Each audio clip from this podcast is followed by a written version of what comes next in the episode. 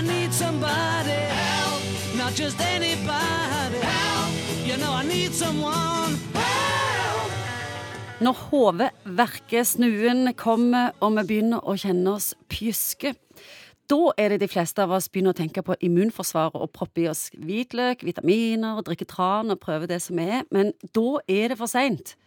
Eller er det det, doktor Morten Munkvik? Ja, det er nok litt seint å starte med de tiltakene der. Hva er egentlig immunforsvaret? Ja, vet du hva? Det er noe av det mest fantastiske vi har. Man kan dele det inn på mange måter, men du kan dele det inn i to først.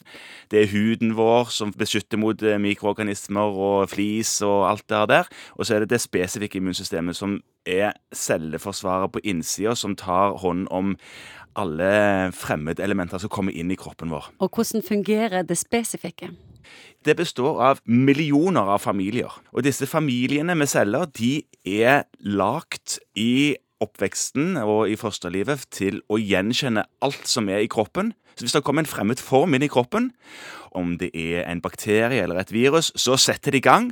Og så vil den familien, den lille gjengen med celler som kjenner igjen den formen, oppkopiere seg og bli sterke og slå ned det som er kommet inn. Så har jeg lest at uh, det er ikke bra å ha for sterkt immunforsvar, og heller ikke bra å ha et for svakt et. Og da begynner det å bli vanskelig, Ja, syns jeg. ikke sant. Det er et voldsomt velbalansert system, dette her. For tenk alt det som de ikke skal reagere på, som er i kroppen. Det skal de jo la være i fred. Men kanskje ha det sånn at immunsystemet vårt går til angrep på ting som er i kroppen. Men det skjer jo noen ganger, ikke sant? Så derfor, hvis det er for sterkt, så kan det reagere på det som er kroppseget. Det hopper rett og slett på, og så ødelegger det f.eks. alle cellene i bukspyttkjertelen som lager insulin. Og vips, så har du fått diabetes, det som kalles diabetes type 1. Men hvis vi snakker om en helt normal kropp som blir litt forkjølt av og Ja. til, og syk av og til, Ja. og av og til så er du inne i en periode du blir enormt mye syk. Ja. Andre ganger så har du fem-seks år der ingenting rammer. Hva er det da som har skjedd med immunforsvaret? Immunsystemet henger sammen med resten av kroppen. Sånn at hvis du er sliten og ute av form og daffer, så kan det være at immunsystemet rett og slett ikke funker like godt som det ellers ville gjort. Ja, Men går det an å bygge opp immunforsvaret?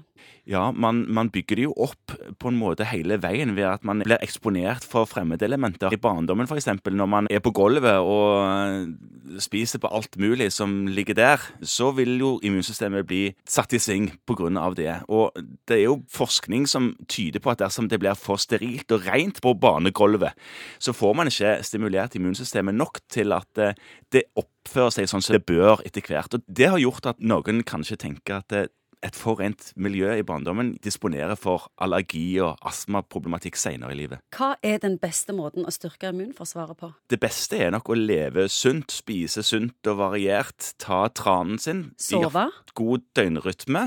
Ta tran, iallfall for oss som bor langt nord, for man får ikke nok sollys i Norge til å ha nok D-vitamin i kroppen. Så ta tran. Så konkluderer vi at det er best å være sånn passe syk, eller? Ja, vet du hva? Jeg tror det er bra å ha vært litt sånn småsyke opp igjennom og følt litt på forskjellige ting. For det er med å bygge opp immunsystemet på en sunn og god måte. Det å være helt frisk hele veien i eh, spedbarnstiden, det er antagelig ikke så veldig gunstig. En liten trøst til småbarnsforeldre. Ikke sant? Men ikke, ikke kjøp hund hvis du ikke har hund, for, for å liksom lage det litt mer skittent. Men det er iallfall for seint hvis du begynner å kjenne symptomene. Ja, sant? da er det gjort. Da må du bare ta den og bli frisk. Ta Paracet eller Ibux. Ri den av. Help me